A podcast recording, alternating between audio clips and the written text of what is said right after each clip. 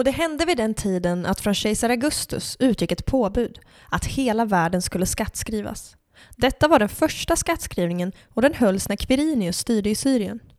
Alla gick då för att skattskriva sig, var och en till sin stad. Så reste också Josef från staden Nasaret i Galileen upp till Judeen, till Davids stad som kallas Betlehem, eftersom han var av Davids hus och släkt. Han kom för att skattskriva sig tillsammans med Maria, sin trolovade som var havande. Medan de befann sig där var tiden inne för henne att föda och hon födde sin son, den förstfödde. Hon lindade honom och la honom i en krubba eftersom det inte fanns plats för dem i gästrummet.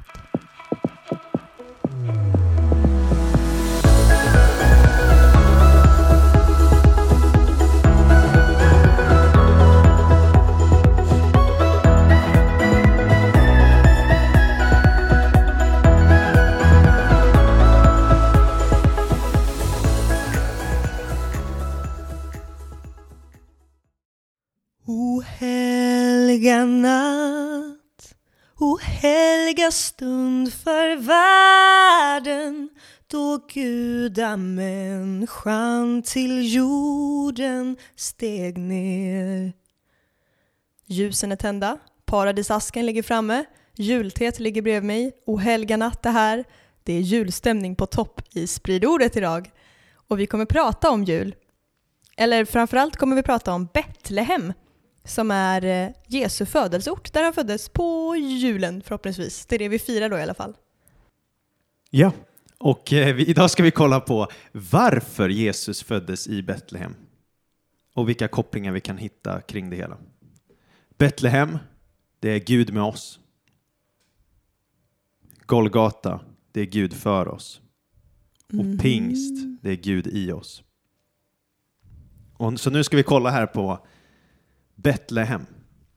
För Yes. ehm, ja, men vi gillar ju att gräva här, vi gillar att hitta lite roliga profetiska mönster i Bibeln som leder fram till så vi kan få en ökad förståelse varför det var just Betlehem Jesus föddes i. Det var kanske inte bara en tillfällighet att det var just där Maria befann sig när hon skulle föda. Nej, utan det var ju planerat före världens grundläggelse av jättemånga anledningar. Och vi ska kolla på några vi har hittat. Spännande. Ja, och jag, jag tror att det kommer bli lärorikt för, för lyssnarna. Ja, det hoppas jag. Det hoppas jag. Och för mig då förhoppningsvis. Ja, för dig också. Det är, det är bra. Du brukar lära mig saker du också. Okej, ordet Betlehem Ja. kommer från två hebreiska ord. Beit, som betyder hus, och lechem, som betyder Bröd. bröd. Så brödhuset, Betlehem, var känt för sina åkrar med spannmål, korn och vete. Och där fanns det ju då mycket bröd. Så egentligen borde inte bygga pepparkakshus på jul, vi borde bygga brödhus. Ja, vi får baka helt enkelt. Jo, man bakar bröd. Jo, det gör man. Alltså va? Ja. Jag brukar, eller jag brukar äta det. för kortslutning gärna och tänkte brygga bröd. Brygga kaffe, Ja, det- baka bröd. Alternativt äta bröd, det brukar jag göra oftast. Okej, Betlehem i alla fall. Det är en by. Det är en by, det är inte en stor stad. Den ligger lite mindre än en mil sydöster om Jerusalem. Och Betlehem kallas i Bibeln för Betlehem Efrata eller Betlehem Juda, eller Judén. Och det här eftersom det fanns två byar i Bibeln som heter Betlehem. En i Judas landområde, det är södra delen, och en i Sebulons område som är ganska norrut i Israel. Så det här ligger i Juda. Ja, söder om Jerusalem. Mm. Det kallas då Betlehem Efrata. Och Efrata eller Efrata betyder fertil eller fruktsam. Så det är ett fruktsamt brödhus. Ja, ja absolut. För det kan ha mycket med att Betlehem fick ganska mycket regn under regnsäsongerna. Mm. Och sen då, det kallas också Betlehem Juda då, för det låg i Juda landområde. Eller Judén som vissa biblar säger då.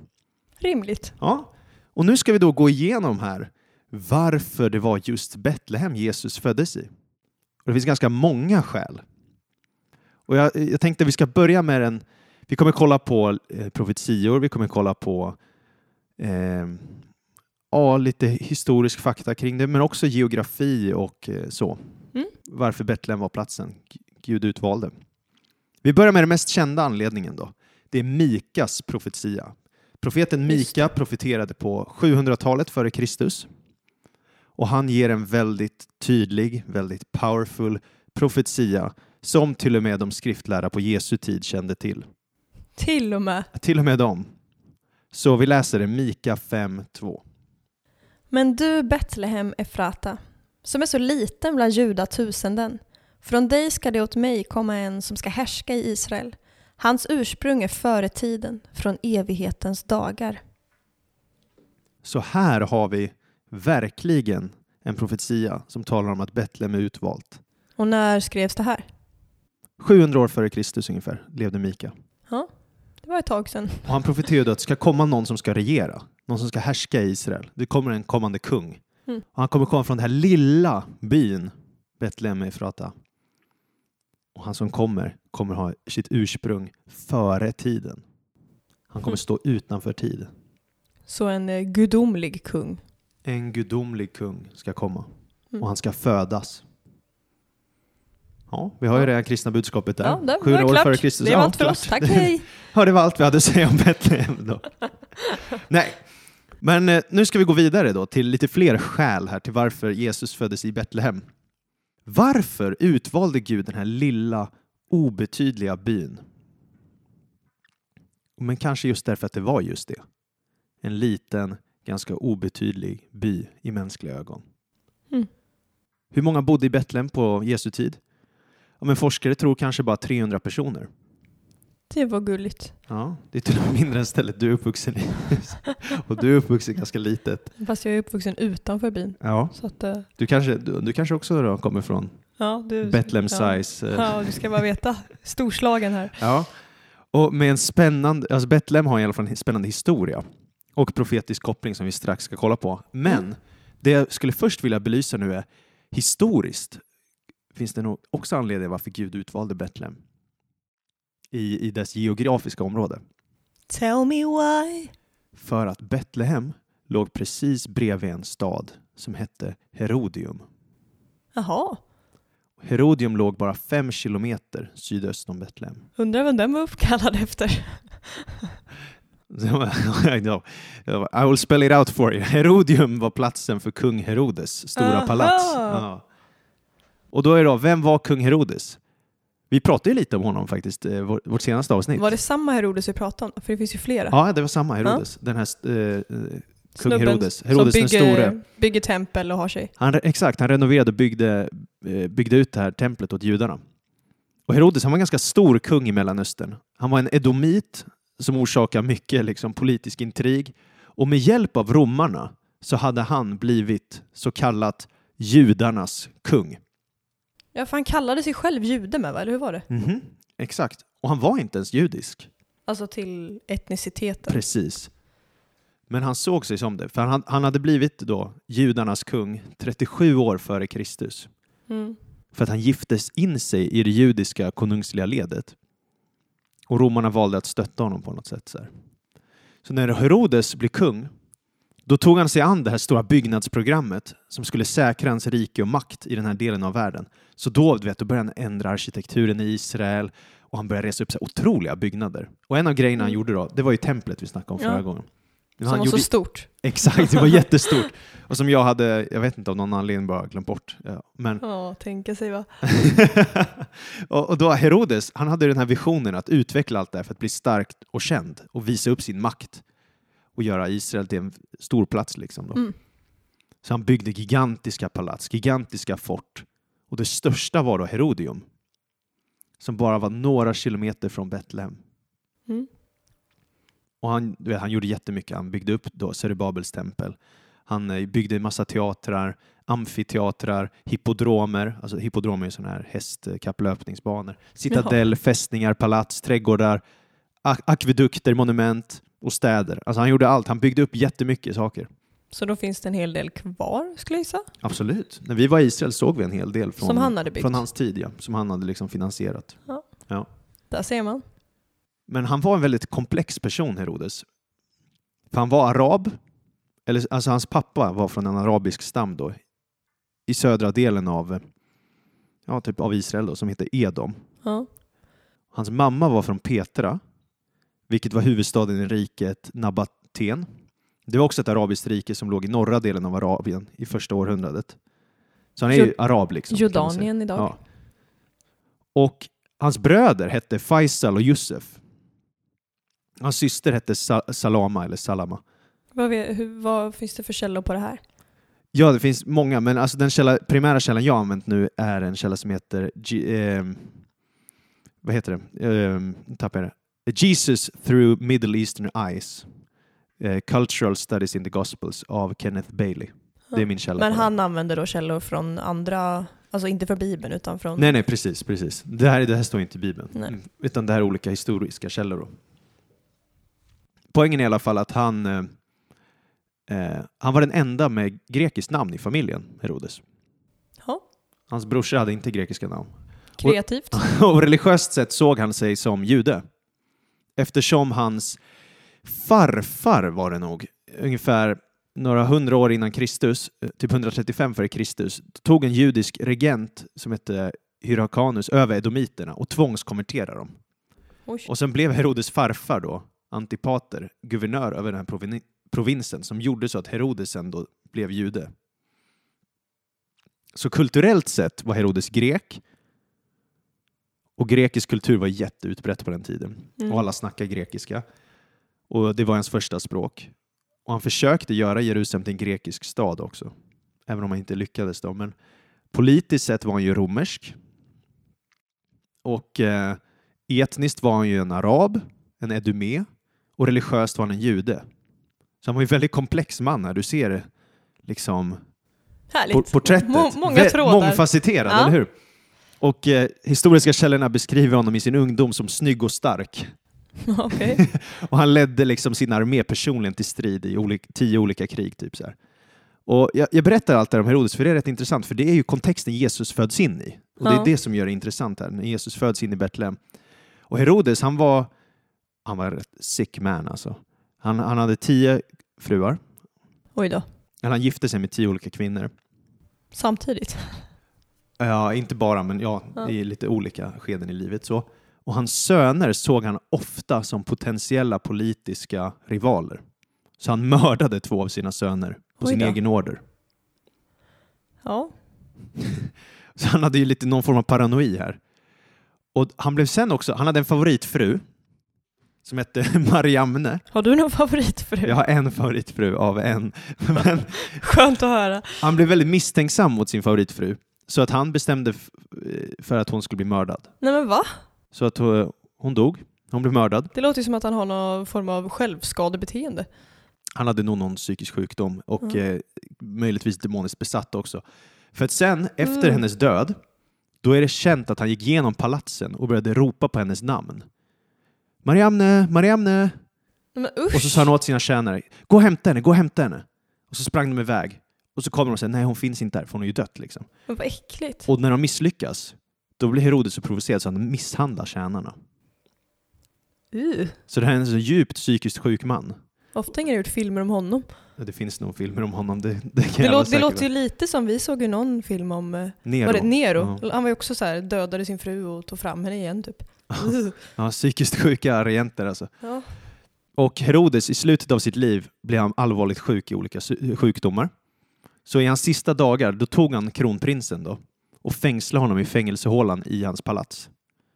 Alltså Och- sin son. Ja, precis. Ja. Det är ju kronprinsen. Och när han, Herodes är då i smärta, då försöker han ta sitt liv, men han hindras av en vakt. Så han försöker begå självmord. Okej. Men han misslyckas för att en vakt hindrar honom.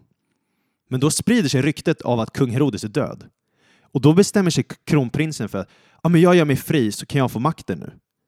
Men eftersom Herodes överlever det här självmordsförsöket, då säger han nu måste kronprinsen dö. Så han dör. Men bara fem dagar senare dör Herodes ändå i sjukdomen. Men det sista Herodes gör innan han dör, vet du vad det är? Bara så vi får bilden av vilken man det här är som regerar när Jesus föds in. Det sista han gör är att han ger en befallning att arrestera tusentals människor, beslagta dem och ta dem till, till sta, eh, stadion i Jeriko. Och då var Herodes plan att när jag dör, då har jag befallt alla mina soldater att avrätta dem, så att det blir ett stort sörjande i landet. Nej men va? Det var för att han visste att ingen skulle gråta över honom när han dog.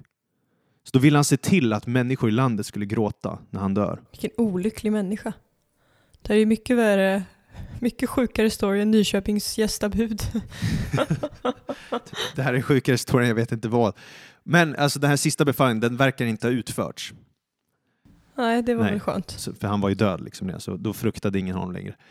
Men poängen är i alla fall att det här är den typen av karaktär som styrde när Jesus föds in jord, på jorden. Och då är det väldigt rimligt att anta när evangelierna säger att Herodes fick för sig att slakta massa barn i Betlehem. Det är Ja. nog inte så farfetched tanke. Liksom. Den är väldigt nära till hands.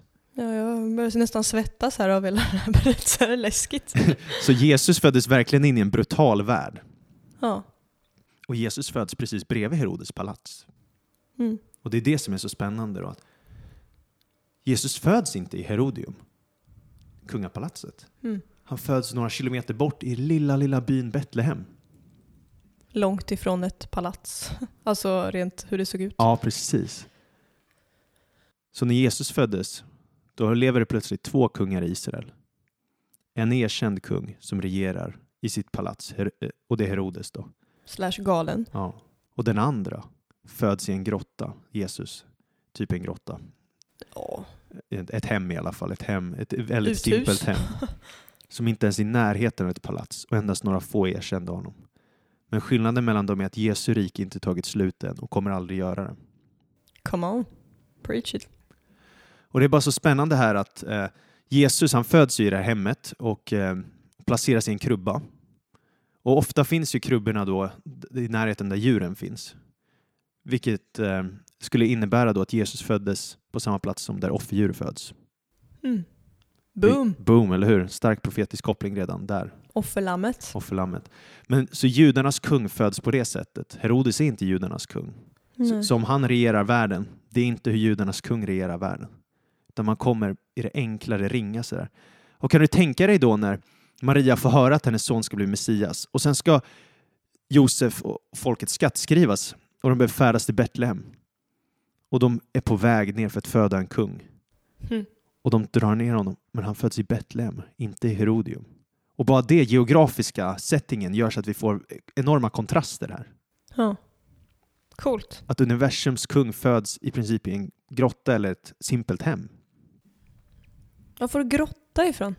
Jo, det är för att, för att många eh, historiker tror att, det avdelning, att många hem i Betlehem och på andra platser Ja. i, i eh, Ju- Judeen var kopplade till grottor. De var byggda från grottor. Liksom, så Ja, här. liksom så, uthuggna ja, som i startar berget. ut ur grottor, liksom, så Mm. att grottan är en del av hemmet. Typ.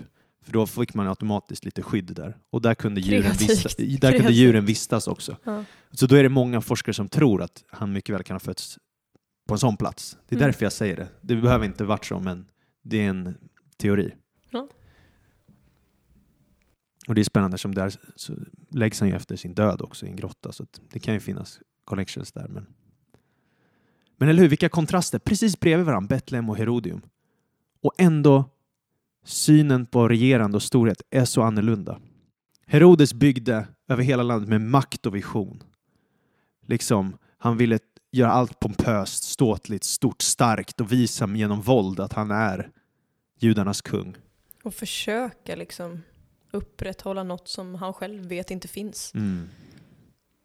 Men idag är ju allt Herodes, allt det Herodes stod för ruiner. Det är imponerande ruiner, men det är fortfarande ruiner. Och det talar ju om att hans vision är död. Mm. Herodes rike är ett minne blott. It ain't no more. Han är död. Han begravdes. För Herodes byggde åt Herodes. Han byggde för att människor skulle komma ihåg hur stor och mäktig han var. Och i slutändan finns ingenting. Men barnet i Betlehem, han startar en rörelse, en gemenskap, en tro som fortfarande växer. Som fortfarande griper tag i människor, stora som små. Som förvandlar en idag. Transformerar. Växer fortfarande. Och han lämnar inte ett palats efter sig. Han lämnar inte Herodium efter sig. Men han lämnar ett rike efter sig. Och det finns så många Herodes i vår värld idag som kommunicerar ett värdesystem som inte Gud handlar om. Som är starka och mäktiga. Men universums kung är Jesus. Hur svag och hur frånvarande han än verkar så är det Jesus. Och liksom bara det faktum att Betlehem och Herodium ligger bredvid varandra, det vittnar om att vår Gud är en Gud som finner styrka i svaghet och uppenbarar sig i ringhet. Och det är en av anledningarna varför Jesus föddes i Betlehem. Mm. Boom. Preach it. Preach it. Har du några tankar? Jag tänker bara på eh, ödmjukhet. Alltså det är en sån som jag ofta kommer tillbaka till när jag tänker på jul och Mm. julbudskapet. Att, eh, och det blir så tydligt nu med kontrasterna mot Herodes. Det var liksom, liksom motsatsen. Och också att, ett så här sätt att, även fast det var förutsagt då, den här profetian i Mika och vad vi nu kommer komma in på här framöver, så är det ändå så liksom eh, otippat mot vad man förväntar sig alltid. Ja. Alltså, det är ju här tema genom hela Jesus liv Mm. Och hela storyn, att det är så otippat mot hur man själv hade förväntat sig att det skulle vara. Mm. Man förväntar sig en stark kung, man förväntar sig en förnäm släkt och det ena och det andra. Ja. Och man förväntar sig inte att universums kung ska lägga sig i en krubba heller. Nej. Krubba är ju plats där djurfoder läggs, eller där Ja. djuren får sin mat ifrån. Men det är ju också i och för sig en profetisk bild. För det är något symboliskt. Mm. För krubban är ju där du får provision ifrån. Och Jesus sen säger ju själv att jag är livets bröd. Mm. Den som kommer till mig ska aldrig hungra och den som tror på mig ska aldrig törsta. Johannes 6.35. Och det är väl därför han föds i Betlehem också. I Beit Lechem, brödhuset. Mm. För att han är livets bröd. Mm. Så där är också en anledning varför han föds i Betlehem. Det vittnar om hans ministry.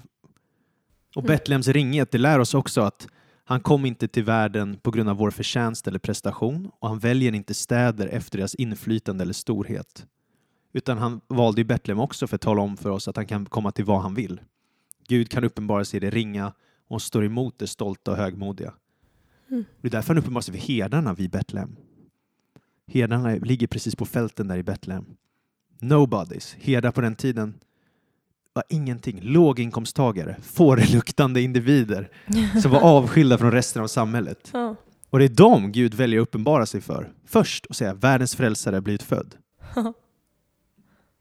Fint. Så det här Betlehem lär oss också. Gud valde Betlehem för att tala om för oss att, att ingen är för låg, obetydlig, kraftlös eller för smutsig för att få kunna få ett möte med Gud.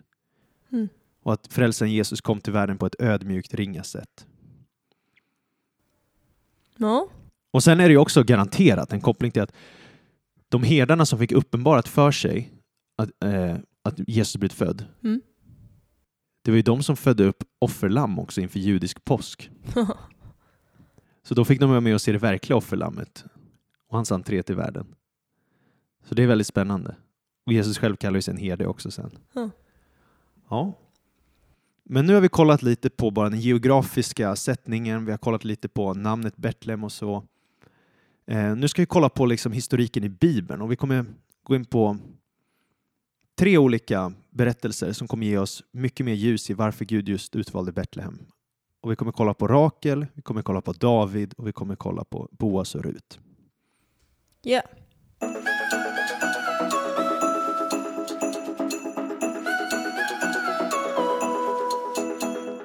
Ja, Rakel då? Ja, Rakel. Det här, nu ska vi kolla på första gången Betlehem nämns i Bibeln. Spännande. Ah, absolut första gången Betlehem nämns. Och det är jättespännande, för vi kommer märka nu att Betlehem var byn där Rakel, det vill säga Jakob, han som också kallas Israel, hans fru, begravs i Betlehem. Mhm. Så vi läser den storyn i Första Mosebok 35 från vers 16. Sedan bröt de upp från Betel. När det var ett stycke kvar till Efrata födde Rakel och förlossningen var svår. Då, då det var som svårast sa barnmorskan till henne, var inte rädd, också den här gången får du en son. Men när hennes själ skulle lämna henne, ty hon var döende, gav hon honom namnet Beon-Oni, men hans far kallade honom Benjamin. Rakel dog och begravdes vid vägen till Efrat, det vill säga Betlehem. Jakob reste en stod på hennes grav. Det är den som än idag kallas Rakels gravsten. Och Israel bröt upp därifrån och reste sitt tält på andra sidan herdetornet. Medan Israel bodde där i landet hände sig att Ruben gick in till sin fars bihustru Billa och låg med henne och Israel fick höra det.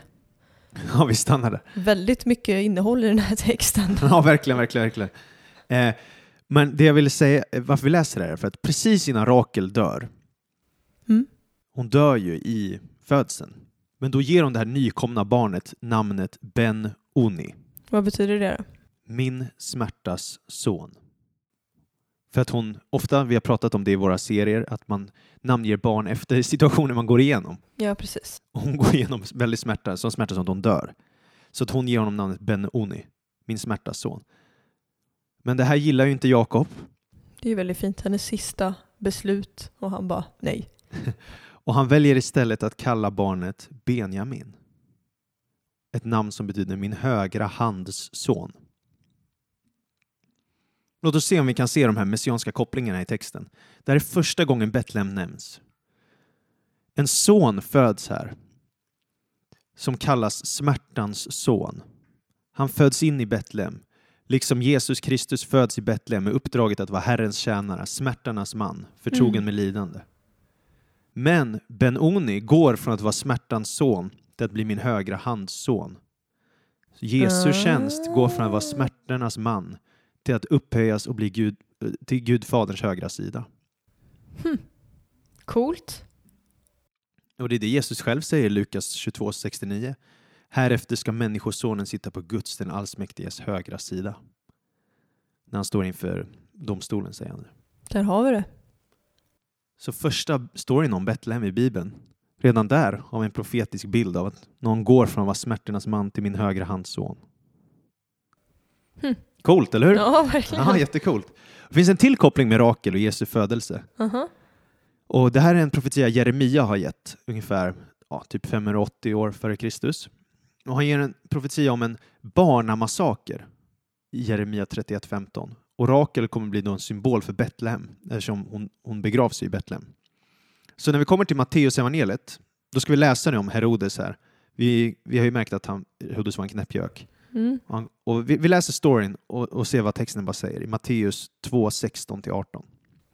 När Herodes såg att han hade blivit vilseledd av de vise männen blev han ursinnig och han lät döda alla de pojkar i Betlehem och hela dess omgivning som var två år och därunder.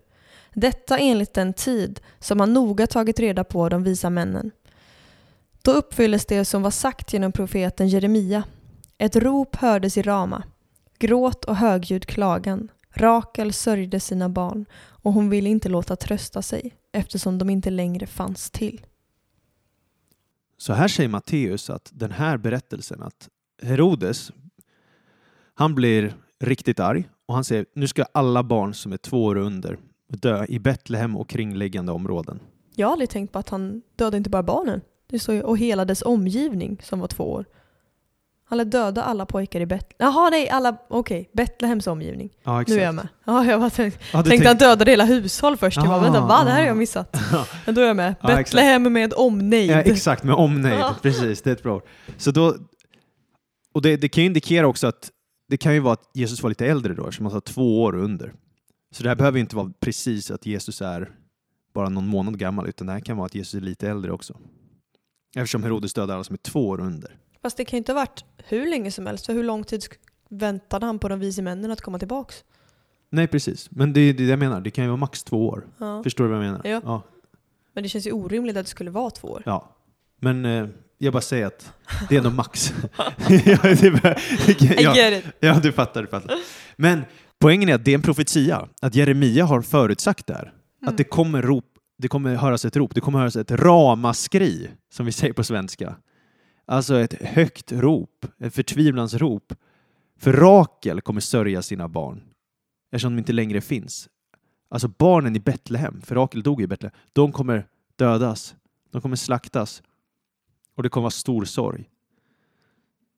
Så Jesus föds i Betlehem och det blir också inte bara ett uppfyllande av Mika då och det blir inte bara en profetisk bild på Rakels liksom, födelse och allt det här, utan det är också då uppfyllandet av massakern, profeterad i Jeremia 31. Mm. Intressant. Verkligen. Okej, vi tar en till anledning varför Jesus föddes i Betlehem. Och det här är kanske den mest kända anledningen och den viktigaste anledningen. Och det är för att det var Davids stad. Eller Davids by då. Det var, alltså, Davids tr- by på 300 pers. det var därifrån kung David kom ifrån. Ja. Den här mannen Gud lovat ett villkorslöst förbund med.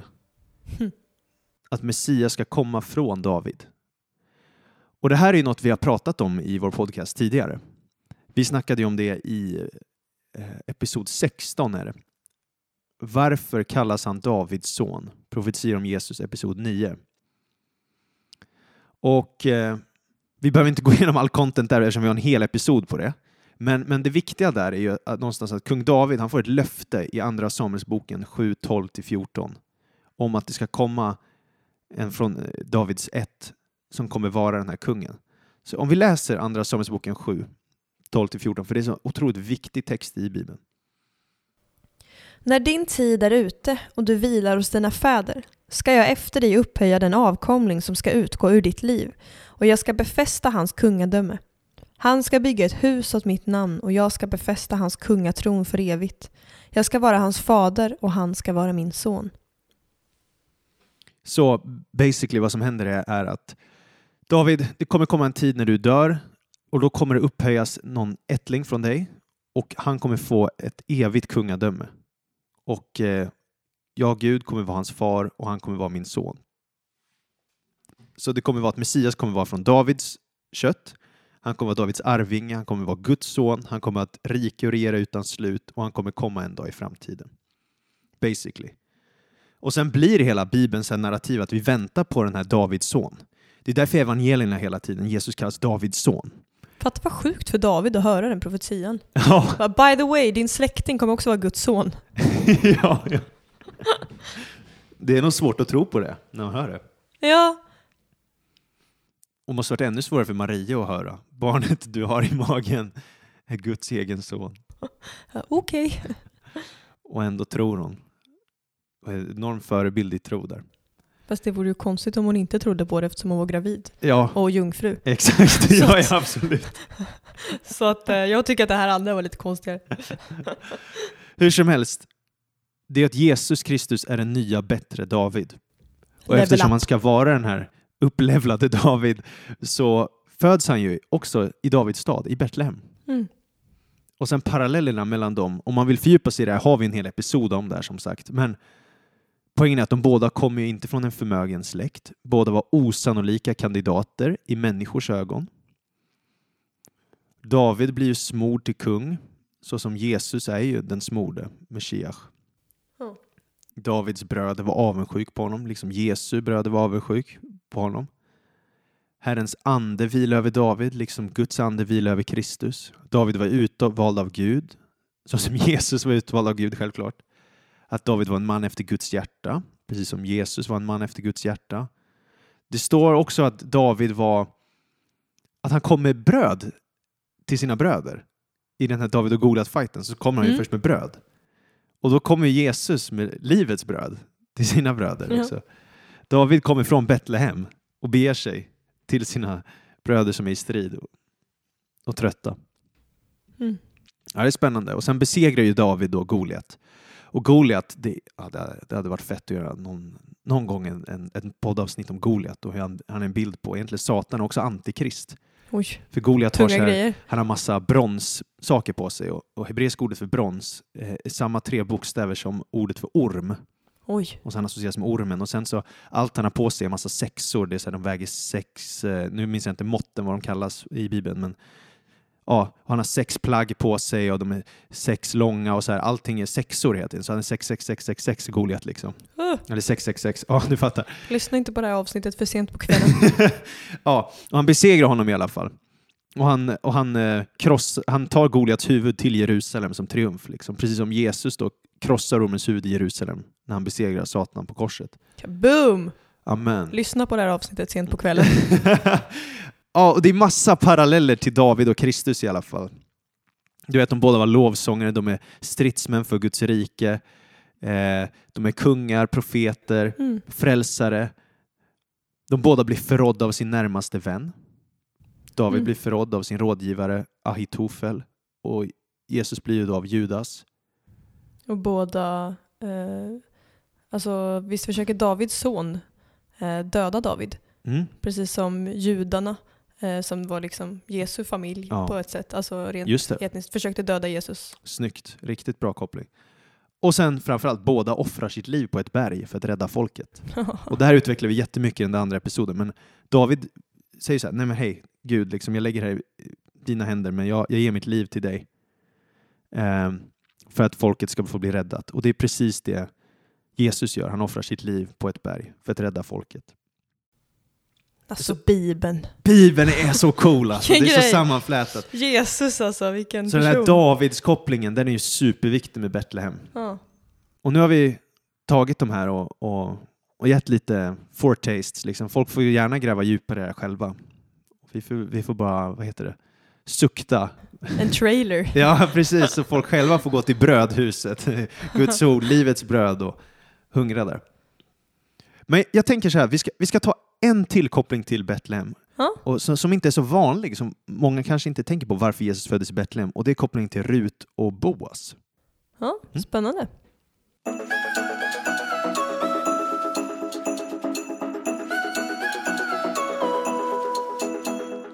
Ja, Ruts bok. Det är kanske en av de mest fascinerande böckerna i Bibeln tycker jag, för den är så kort. Jag skulle precis säga en av de mest lättlästa. ja, och, och, och, och, ja, ibland lite, Var det det som var fascinerande? lite, att det var kort? nej, men lite klurig att förstå ibland också. Så. Ja. Många israelitiska lagar, man bara, "Ha, jag hänger inte riktigt med här. Och sen, Skor och Ja. kasta Ja, skor precis. på folk. Och ja, mycket intressanta saker. Men, men du kanske kan fötter. återge lite berättelsen bara om Rut, om du minns något från minnet? Jajamän. Ja. Så Rut gifter sig med en snubbe eh, och snubben dör och hon är kvar med sin svärmor. Precis, och jag vill bara i det att svärmor var gift med en kille som heter Elimelek och de behövde lämna Betlehem. De bodde i Betlehem, så började de lämna för att det blev hungersnöd. Ja, de bodde i Betlehem till Ja, exakt. Ja, det är därför vi läser det här. Du. Och då drar de därifrån till Moab.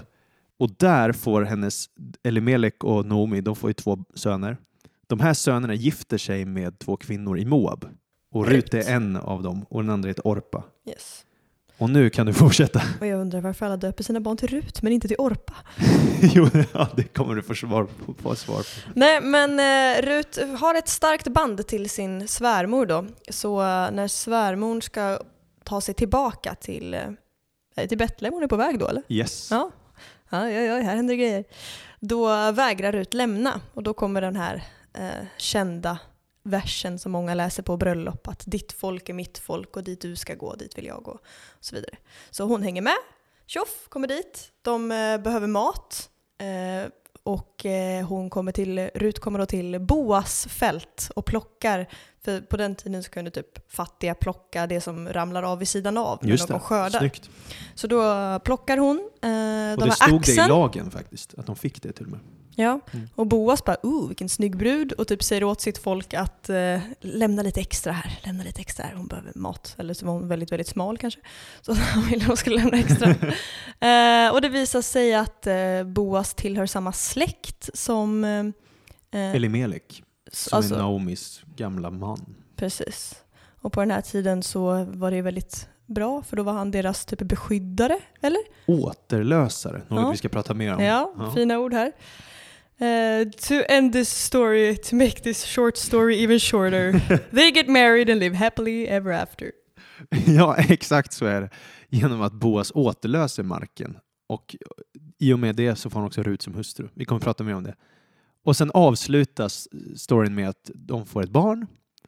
Och sen får vi ett släktled då i att eh, Rut och Boas son får namnet Obed. Och Obed är kung Davids farfar. Så att vi inser att ah, den här berättelsen leder oss till David. Men i alla fall, allt det här utspelar ju sig då i Betlehem. Wow! Betlehem har vi här alltså. Och den stora hjälten i bo- boken, han som är återlösaren, det är Boas. Och det är, Boas är en stark profetisk bild på Jesus. Tell me all about it. Jag kommer inte berätta allt om det för det har vi inte tid med. Jag berättar lite i alla fall. Okej, Boas, han är från Judas stam, Mhm. precis som Jesus. Han är född i Betlehem, precis som Jesus. Och Han är, äger ju skörden, precis som Jesus är skördens herre. Och sen väljer ju Boas att gifta sig med en hedning. Liksom Jesus församling sen primärt består av hedningar. Och Men, församlingen liknas ju vid en brud. exakt, tack för förtydligandet. Men i alla fall, det vi ska prata om nu är hans roll som återlösare. För det är det här som gör det så otroligt spännande. Det är ett ord man använder varje dag. ja, precis. Vad är en återlösare? Ja, vad är en återlösare? Hebreiska ordet är goel. Som Joel fast med G. Goel. Okej. Och återlösning det betyder att man köper tillbaks något. Återlösning. Ja, Ja, åter, i alla fall. Köper åter. Ja, precis. Det är lite som att du kan köpa något från en pantbank typ. Jaha. Det är hippt med second hand och så här. Och det är därför man brukar tala om att Kristus återlöst oss, friköpt oss syndare från dödsstraff. Det vill säga han för oss tillbaka till den relation vi hade innan syndafallet. Kan man sätta ett lika med tecken mellan återlösa och friköpa? Oj, eh, ja kanske. Alltså det är så svårt när vi har svenska ord och sen har du hebreiska ord och du vet, Ja. det blir luddigt sådär. Ja. Ja, det är Men att, synonymer. att köpa tillbaks någonting till sin rätta plats. Ja, precis. Och det är så här, okej, vi, tar, vi tar lite historisk kontext. Va? Det, det här är svårt att förklara, men jag ska göra ett försök. Och eh, ifall man inte blir visare av det så är det helt okej, då får man studera själv bara. och, så här, när, när judarna, hebreerna, kommer in i landet Israel, då är Herren jättenoggrann med lagar. Eller han ger dem faktiskt redan i Toran, då, i tredje Mosebok. Och då Mm. säger han så här att det är mitt land ni får. Det är Herrens land. Det betyder att ingen som köpte och sålde jord i landet Israel ägde marken. Mm. Utan istället skulle man kunna säga att de köpte och sålde det vi kallar lånekontrakt eftersom marken ägdes av Gud enligt tredje Mosebok 25. Coolt. Så Gud såg som den verkliga markägaren i Israel, det heliga landet. Mm. Och därför ser man varje markägare som en hyresgäst som behövde lyda Herrens bud för att få stanna kvar i landet. Det är därför de sense. skickas ut sen Ja. när de inte följer buden. För det är som, han är som en hyresägare, eller vad heter det? Ja, en De sån. väsnades för sent på kvällen. Exakt, och han skickar ut dem då för att de bryter mot kontraktet. Eh, men i alla fall, när man sålde mark då i Israel, då hade man vissa regler också för hur det kunde bli återlöst sen. Alltså köpt tillbaka. Så till exempel, det innebär om du sålde din mark för Mm. någon annan att använda den, då skulle du på själva rullen där kontraktet skrevs även ha regler om hur det kunde bli återlöst av din släkt sen. Och en återlösare då, en goel, det är en släkting som har rätten eller skyldigheten att återlösa mark tillbaka till den ursprungliga familjen. Okej. Som man hyr av den man hyr av. Eller man hyr Ja, av den som ja. hyr av Gud. Ja, precis. Typ så. Och här Andra hand. återlösning gällde inte bara mark, utan man kunde även återlösa en anhörig som blivit såld till slav. Ja. Eller inlösa en fattig eller en avliden anhörings egendom. Alltså allt det här finns att läsa i tredje Mosebok 25 och femte Mosebok 25. Så det är 25 erna där. Tredje Mosebok 25 och femte Mosebok 25. Så kan man få djupdyka i det själv lite. Men basically så fanns det också en återlösning var femtionde år på jubelåret. Var femtionde år skulle all mark returneras till de ursprungliga ägarna som tvingats sälja på grund av fattigdom. Alltså inte om du bara sålde för att du ville sälja, men om du blev fattig, då skulle, och du sålde då bara för att överleva, då får du tillbaks marken efter 50 år. Så de behövde inget ekonomiskt bistånd. Nej, precis. Det var som ett socialt skyddsnät då. Ja. Problemet är ju bara att i Bibeln så gjorde de aldrig det här. Varför då? De höll aldrig jubelåret. Och det var en, eh, en lag av Gud, att Ja. de skulle göra så. Så det får enorma konsekvenser. Och om man vill läsa om det så är det andra krönikboken 36. Gud är otroligt arg på folket för de höll inte jubelåret en enda gång. Och det var av själviska skäl då, eller? För man Ja. vill inte bli av med det man hade. Exakt. Och det är därför han skickar ut dem i 70 års fångenskap i Babylon. För att 70 år, det var så många jubelår de hade missat att hålla. Boom! Och då säger han, ja, ni har misslyckats hålla sabbat i 70 gånger. Ni är skyldiga mig 70 år. Så nu måste landet få vila i 70 år. Glöm inte vila hörni. Så i alla fall, en goel då, det är en släkting med rätten och skyldigheten att återlösa en anhörig som blivit såld till slav, eller en fattig, eller en avliden anhörings egendom. Liksom, så, här. så i vår historia här så är Boas återlösaren, Mm. och då är Boas en tydlig bild på Kristus. För Boas är en släkting till Nomis avlidne make, Elimelek. Mm. Och Naomi kallar Boas en av våra återlösare i 2.20, i Rut 2.20. Okej. Eh, än så länge, är du med Ja, någorlunda? Ja, Ja. ja. Så före tredje Mosebok 25, det är då första gången Goel dyker upp, återlösaren dyker upp. Innan det har det allt, Goel har dykt upp innan det också, men då har det bara varit förknippat med Gud. Gud talas om som återlösaren från det onda, eller han räddar folket, liksom. han återlöser sitt folk Israel från träldomen i Egypten. Mm. Han återlöser dem, sjunger Moses liksom från Egypten och David och andra psalmister eh, beskriver Gud som en goel, en återlösare. Mm. Med speciellt fokus på Egypten då. Att Gud liksom köper dem fria, de har varit slavar men nu går de ut i frihet i ett Mm. jubelår. Typ. Så att en människa agerar som en återlösare, det är ganska ovanligt i Bibeln. För det är egentligen Gud som gör återlösningen då. Och det otroligt spännande här, det är att Boas är den enda personen i Bibeln som är en mänsklig återlösare.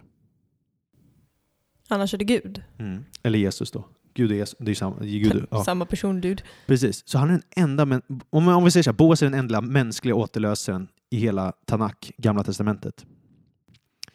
Och jag tror inte heller det, är på tal om att Bibeln är designad, det finns ingen tillfällighet att ordet Goel är 22 gånger i Ruts bok. Och det finns 22 gånger i Tredje Mosebok. Va? Och Boas beskrivs som den här ideala återlösaren. Och han är en skuggbild då på Jesus som kommer vara den här återlösaren. Då. För att Jesus kommer ju sen då till oss som sitter fast som slavar. Vi sitter fast i synden, i ett hjälplöst tillstånd, vi är fattiga liksom andligt sett. Och han kommer då att betala priset av sig själv och köper oss fria tillbaka till den ursprungliga relationen Gud har. Och han köper även fri jorden som är fast i den ondes våld som sen rättmätigen tillhör honom. Så poängen är att Jesus var inte den första återlösaren från Betlehem. Det var Boas. Men Jesus är den största återlösaren från Betlehem. Så ja, jag ska försöka pak- paketera upp det lite mer bara så att kanske förstår lite mer. Så att Boas, han... ehm, så här, I Israel tillät lagen en manlig släkting att eh, köpa marken av en avliden landägare för att se Mhm. till att den hölls inom familjen. Okej. Men det fanns hållhakar. Till exempel, om, om du gjorde det så hade du också en skyldighet att ta till dig den döde släktingens fru om hon var barnlös för att du skulle upprätthålla den dödes namn. Blir det så här då att eh, första barnet inte blir ditt barn utan det blir den dödes barn? Exakt. Exakt så. Så det, det namnet ska leva vidare, för det är så viktigt med att namnet får leva vidare. Och det här ser vi i Rut kapitel 4. För där blir återlösaren erbjuden att återlösa marken åt Nomi och Rut. För det finns en återlösare som, står, som är närmare släktingen Boas. Men han väljer att inte göra det för att han vill inte få Rut som fru. Well, Han vill inte ha en his hedning. loss. Han vill inte ha en hedning. His loss. Så att eh, då går det över till Boas. Ja. Och Boas återlöser marken då gladeligen och då tar han Rut i sin hustru. Och det här går att läsa i hela Rut kapitel 4. Vilken deal, tänker Boas. Ja, det är klart, han tycker ju hon är snygg Rut. Ja. Men alltså, så Boas återlöser land som fallit i någon annans händer medan den ursprungliga ägaren har varit i främmande land och så tar han sin hednisk hustru. Och det här är en bild på Jesus då. För det är det som sker i Uppenbarelseboken. Jesus köper tillbaka det land som fallit i någon annans händer. Både i fråga om Israel men också hela planeten jorden. Och så tar han sig en brud då, församlingen, som är hedning. Så om om jag bara tänker högt här så är det lite Ja. typ så här att vi människor, vi blev tilldelade jorden att förvalta den, men vi säljer den rakt in i den ondes våld. Vi kan inte köpa tillbaks det här skulden. Vi behöver en återlösare som klarar av att betala priset och återlösa vår förlorade arvedel. Det vi har fått av Gud. Mm. Vi behövde sälja liksom på grund av fattigdom och misskötsel. Mhm. Men vem skulle kunna betala den här skulden så att vi får tillbaks det? Jo, Jesus Kristus. Bara Gud själv kunde det. Så Gud väljer att bli en människa. En goel. Och du behövde ju vara nära släkting. Kommer du ihåg det? Mm. Du behövde vara släkting för att kunna återlösa det. Det är därför Gud behöver bli människa. Han behöver bli en släkting, en del av människosläktet. För det var ju Adam som sålde bort det. Ja. Då behöver han bli en Adam för att betala återlösningspriset. Ja, det är stort alltså. Och då blir han en människa då. Och det är också därför det är så viktigt att han blir återlösen. Han föds in i Betlehem. Det är budskap av återlösning. Och då betalar han då priset på ett blodigt kors. Och sen så ska han då få, så får han även en bokrulle där i Uppenbarelseboken. Och det kanske är rättigheterna då till, till eh, jorden. Vem vet? Kanske. Kanske. Vem vet? Men är det... För det, ja, säg. Alltså, jag tyckte det var spännande det du sa med hela jorden också väntar på återlösaren. Jag tänker på det här, är det i Romarbrevet eller något av Korintierbreven där det står att hela jorden suckar och längtar. Mm, Romarbrevet 8 ja. Är det efter... Eh, Ja, precis. Efter befrielse, Ja. efter återlösning. efter återlösaren? Det är det den längtar efter. Och jag, jag tror att det är det det talar om i Uppenbarelseboken. För att aposteln Johannes gråter i Uppenbarelseboken 5. Vem är värdig att öppna bokrullen och bryta dess sigill? Ingen var värdig. Men sen kommer det en.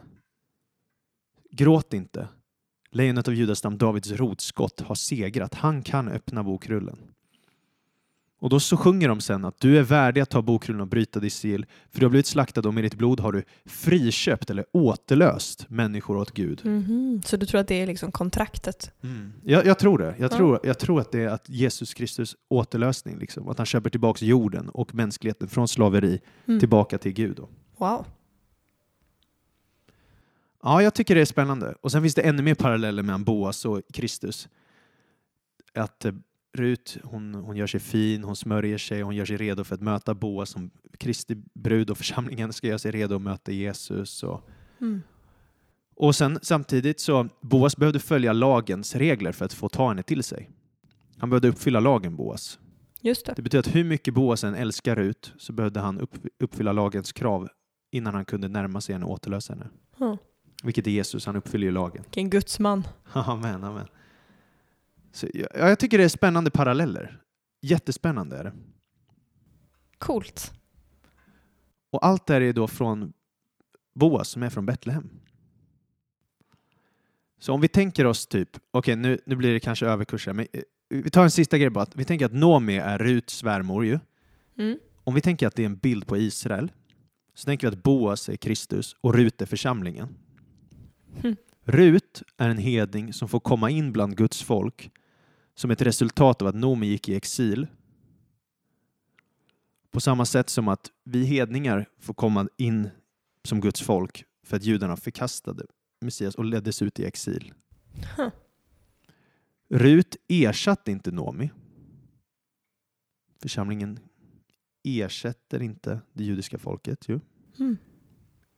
Även om alltså, judarna, Gud har en plan för dem enligt Romarbrevet 9, 10 och 11. Men de är ju inte, ja, de behöver fortfarande tro på Jesus för att bli frälsta. Liksom. Ja. Mm. Men Rut får lära sig om Boas via Nomi. Och församlingen får lära sig om Kristus genom den fantastiska bakgrund vi har i hela Gamla Testamentet. Då. Ja. Israel. Genom Israel. Nomi får möta Boas personligen efter att Rut gjort det. Ja, det är spännande. Och Israel kommer bli frälst och möta Kristus efter församlingen. Efter, eller vad säger, efter hedningarna. Kommit in i fullt antal, står det Romarbrevet 11. Pratar vi end times nu? Ja, precis. Och Rut lämnade sina gudar för den sanne guden.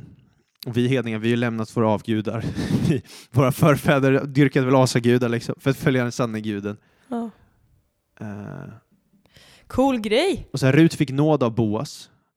Eh, han gav ju henne de här grejerna liksom, fast hon inte förtjänade det. Och sen får Rut även vin och bröd av Boas i 2.14, Rut 2.14. Vilket är en bild på att Kristus ger församlingen sin nattvard, liksom, Mm. bröd och vin. Ja, och all- allt, det- allt äger rum i Betlehem, Gud med oss, hela den grejen, återlösaren. Eh, ja, nej, men jag tycker det är lite spännande detaljer så där. man kan gräva i om man vill. Stort. Ja, ja men jag tror det. Jag, jag tycker det är stort där. Kul också att eh, det är en så liten bok och den är verkligen som en sån här, läsa en roman. Och ändå så kan man liksom trycka in så här mycket. Jag trycker Content jätte, jättemycket. Och om någon tycker jag läser in för mycket i, i det hela, då, då får man gärna tycka det. Det är liksom, jag är fine med det. Alltså. Men poängen är, varför föddes Jesus i Betlehem? Nu har vi många anledningar här. Jesus föddes i Betlehem för Mikas profetia. David. Profetian om David. Ja. Något mer? Vad har vi sagt? Rakel Rakel. och Boas. Boas. och också det här med det hela geografiska. Geografiska. kontrasten med Herodes Ja. och att det är så ringa liten stad. Mm. Och sen också för dess namn, Bet- Mm. Betlehem, alltså brödhuset. Mm. Så Jesus föddes i Betlehem. Det vittnar om att han är livets bröd. Han är en kung som David. Han är en återlösare som Boas. Han är Mikas profetia. Han är smärtornas son som blir min högra handson. Han är den ringe ödmjuke kungen. Han är den, den sanne judarnas konung. Yeah. Mind blowing. God jul på det. Ja, god, god jul!